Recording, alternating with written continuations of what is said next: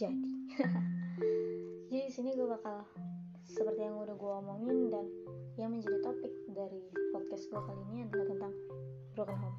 Nah jadi gue itu anak bungsu. Tapi sebenarnya gue itu anak pertama loh. Kenapa gue bisa jadi anak bungsu? Sejarahnya panjang banget. Intinya gue dipungut dipungut lah ya lah kira sampah. Gue diadopsi ya gitu. Diadopsinya bukan sama orang lain dan gue nggak ditaruh di panti asuhan. Tapi murni diadopsinya sama saudara gue gitu.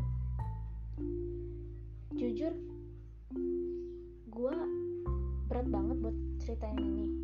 Kalau gue pakai nama asli gue tapi dengan pakai nama samaran.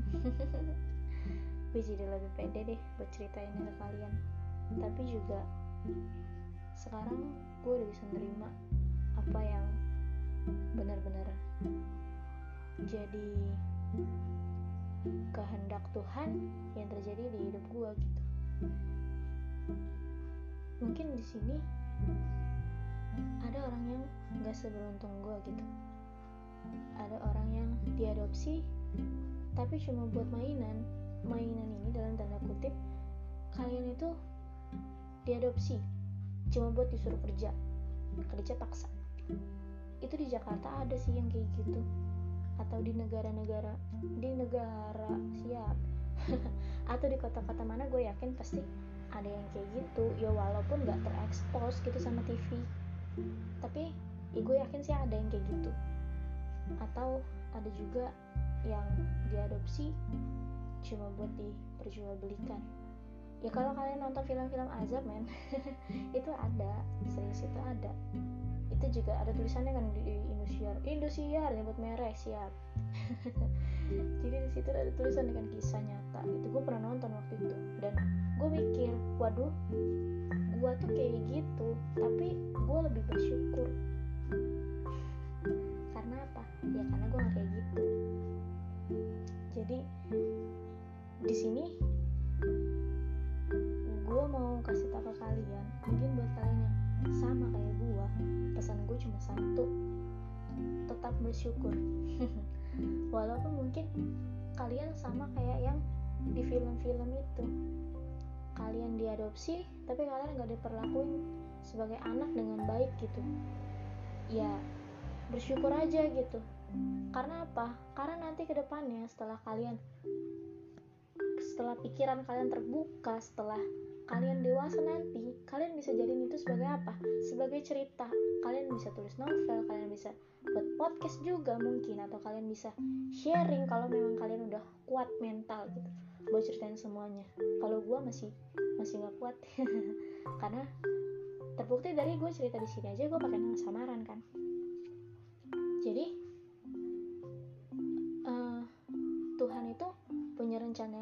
biasa gitu buat kalian.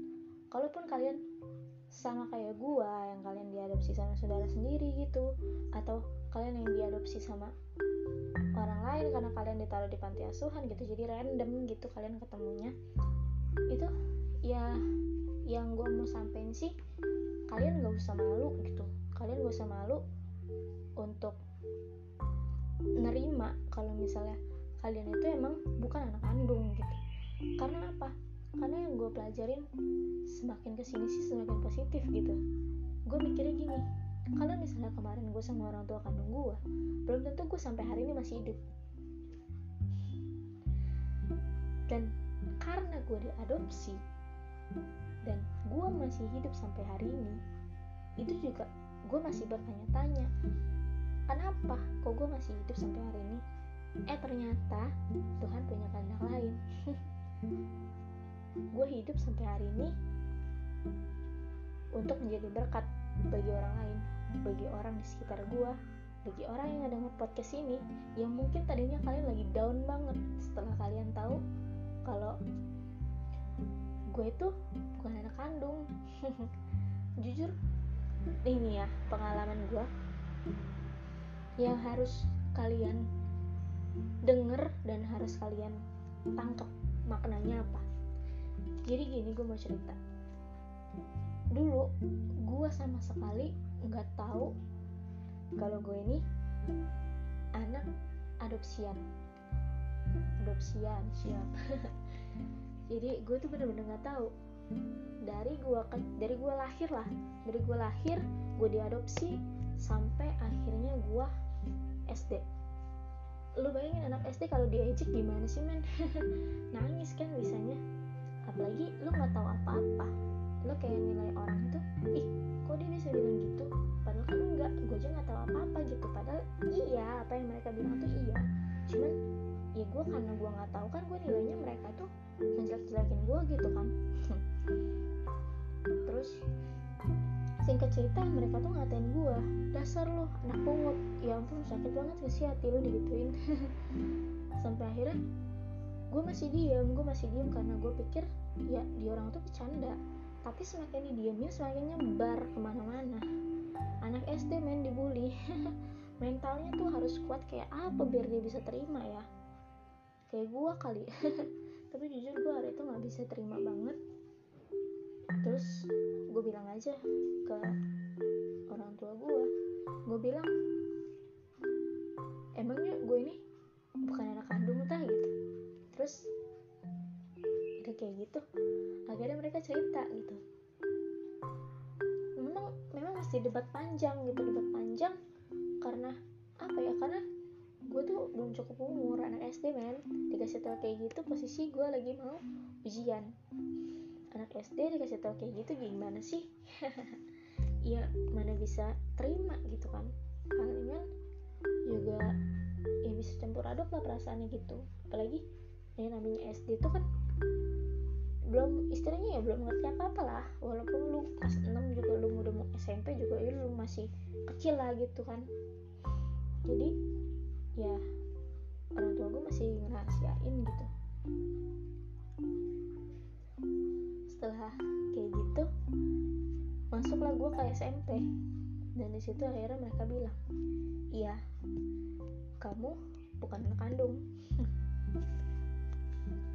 jujur gue cerita ini sambil gue nahan tangis gitu. Iya karena emang kalau gue inget-inget yang udah-udah itu apa ya? Bukannya lebih sakit sih bukan. Gue inget-inget yang udah-udah itu kayak gue tuh bingung gitu.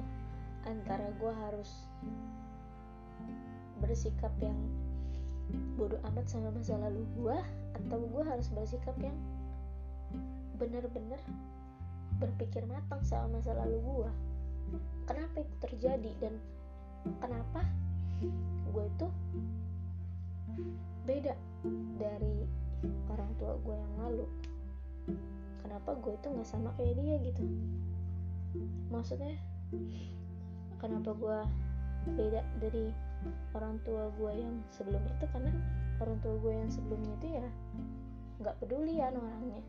Kalau gue itu pedulian jadi beda lah. Terus orang tua gue yang lama itu uh, dia pokoknya segala kekurangan yang ada di dia yang nggak bisa gue terima ya itu nggak gue lakuin.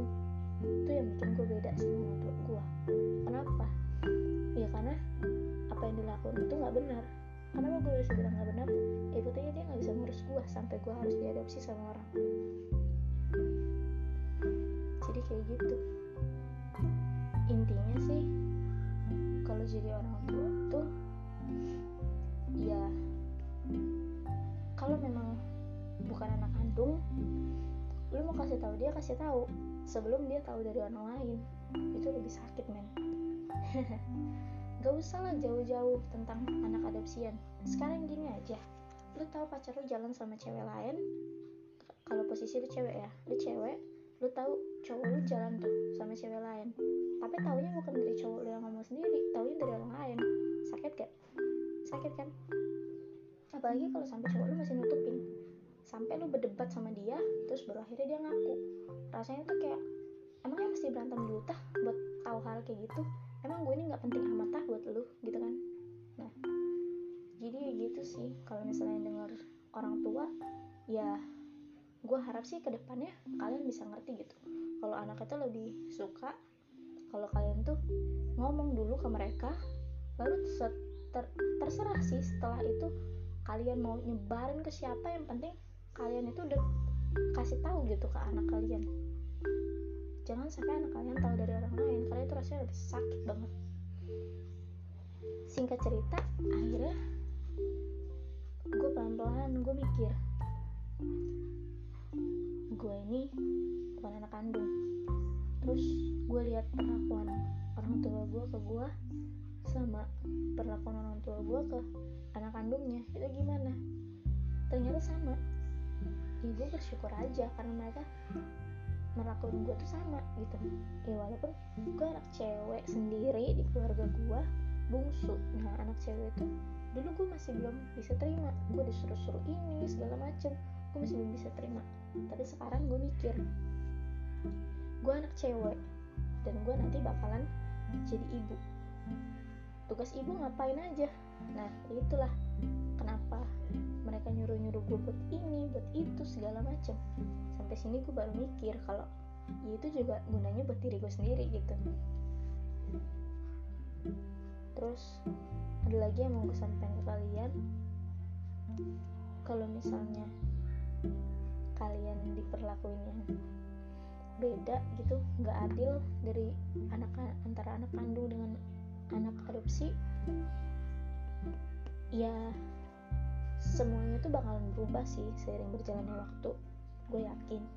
Mungkin hari ini orang tua lo lebih sayang sama anak kandungnya. Sekarang gini anak yang disayang-sayang anak yang dimanja-manja sama anak yang dikepuk tiap hari yang disamahin terus itu beda bakalan mereka tuh bakalan bertumbuh jadi pribadi yang beda. Anak yang disayang-sayang terus dimanja-manja terus tuh bakal jadi anak manja nggak bisa apa-apa. Bisanya cuma ngalem sama maknya bisa juga cuma minta-minta doang bisa cuma nyuruh-nyuruh gitu. Ya pokoknya dia nggak bisa ngelakuin apa-apa sendiri. Itu pendapat gue sih kalau misalnya kalian punya pendapat lain ya silakan gitu. Ya ini kan podcast gue. Jadi ya apa yang gue rasain diceritain jadi gitu. Nah sedangkan anak yang dimarah-marahin terus disuruh ini apa segala macam itu pelan-pelan dibentuk. Disuruh masak. Anak yang di alam-alam dimanja-manja udah kamu nggak usah masak kamu mah di kamar aja gitu kamu mah istirahat aja.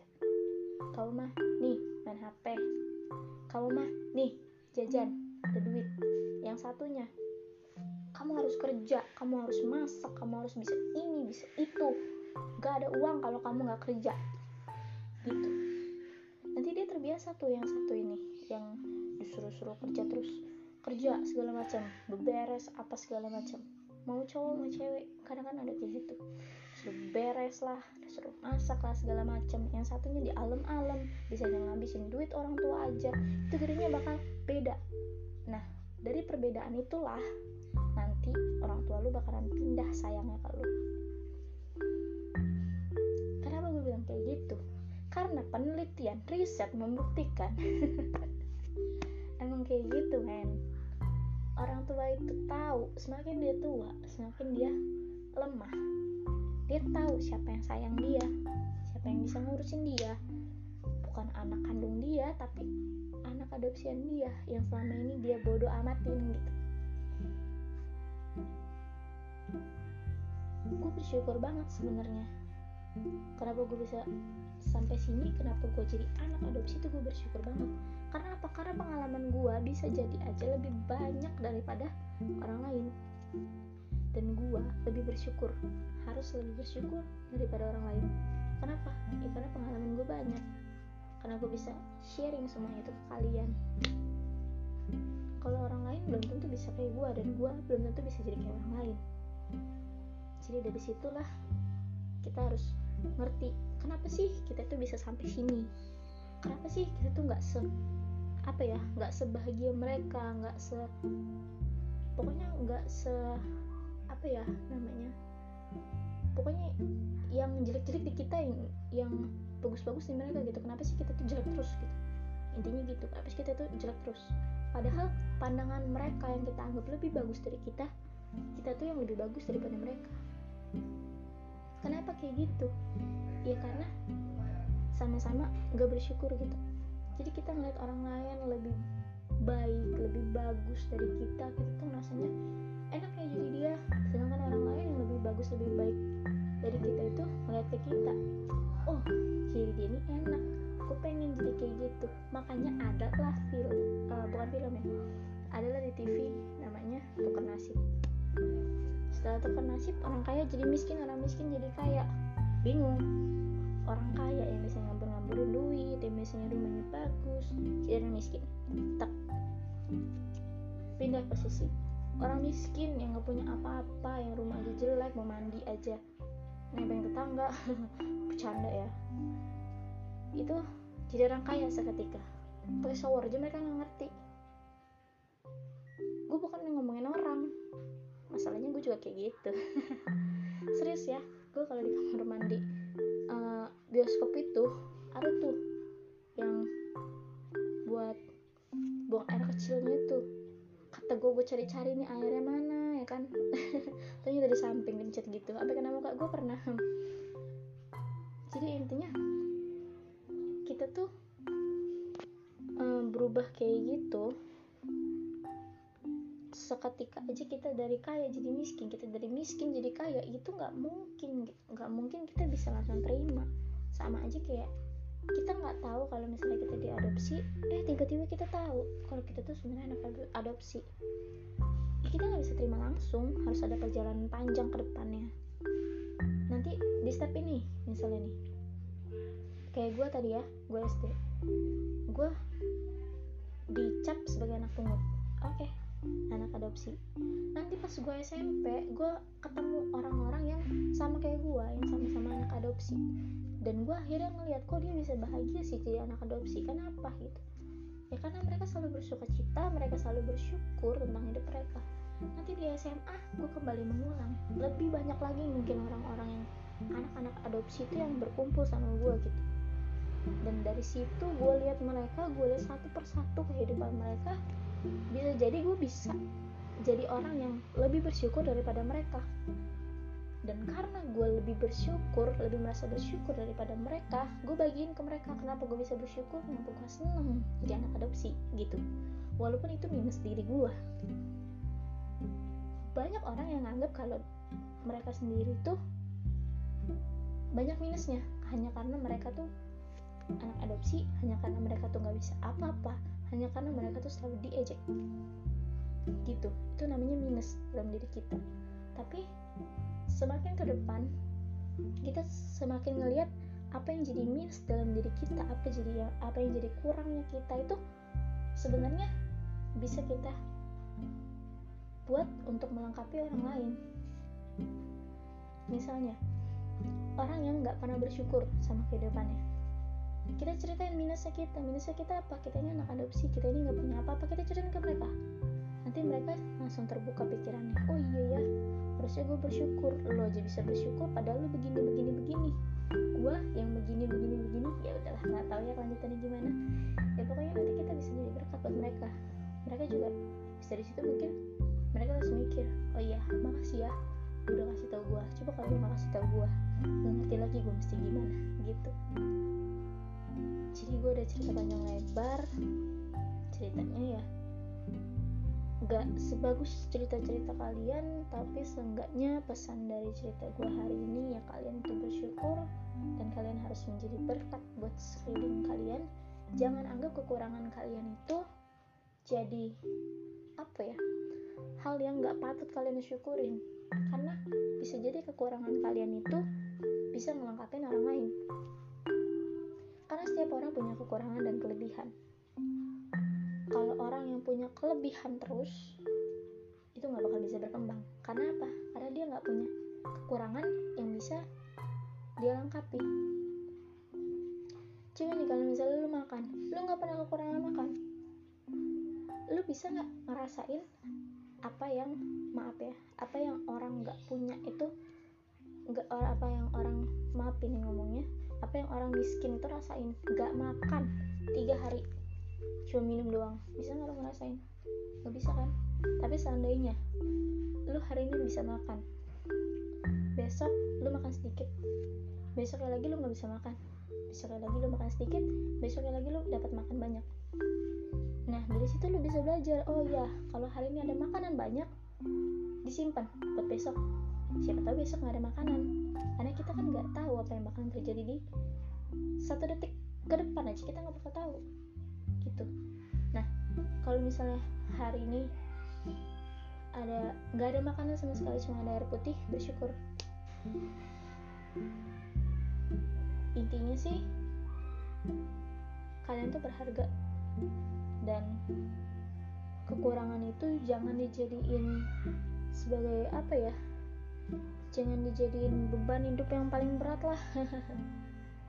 Kalau kalian punya kurang ya kalian cerita ke orang yang menurut kalian paling dipercaya dan orang yang menurut kalian bisa ngebantu kalian buat nemuin jalan keluar. Kadang gue cerita nih ya cerita terakhir dari gue gue udah ngomong panjang lebar banget mungkin kalian sampai bosan ngedengarnya dan mungkin ada kata-kata gue yang salah.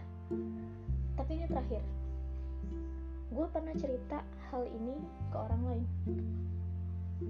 Dan orang lain itu gak bisa dipercaya. Untuk kasih solusi pun mereka nggak bisa. Yang terjadi apa? Nambah banyak aja orang yang tahu kekurangan gue nambah banyak aja orang yang ngecap gue kekurangan segala macam. Orang yang ngecap gue jelek lah pokoknya. Itu makin banyak aja karena apa? Karena gue salah milih orang gue cerita. Itulah kenapa gue selalu mendem apa yang gue rasain. Iya. Mungkin kalian pernah ya kayak gitu. Cuman ya pesan gue kalau kalian udah pernah sekali dua kali digituin ya jangan keterusan.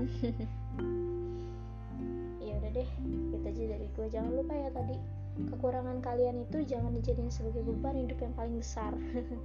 Terus selalu bersyukur setiap hari jadi berkat buat semua orang. Gitu aja gue Lia. Sampai jumpa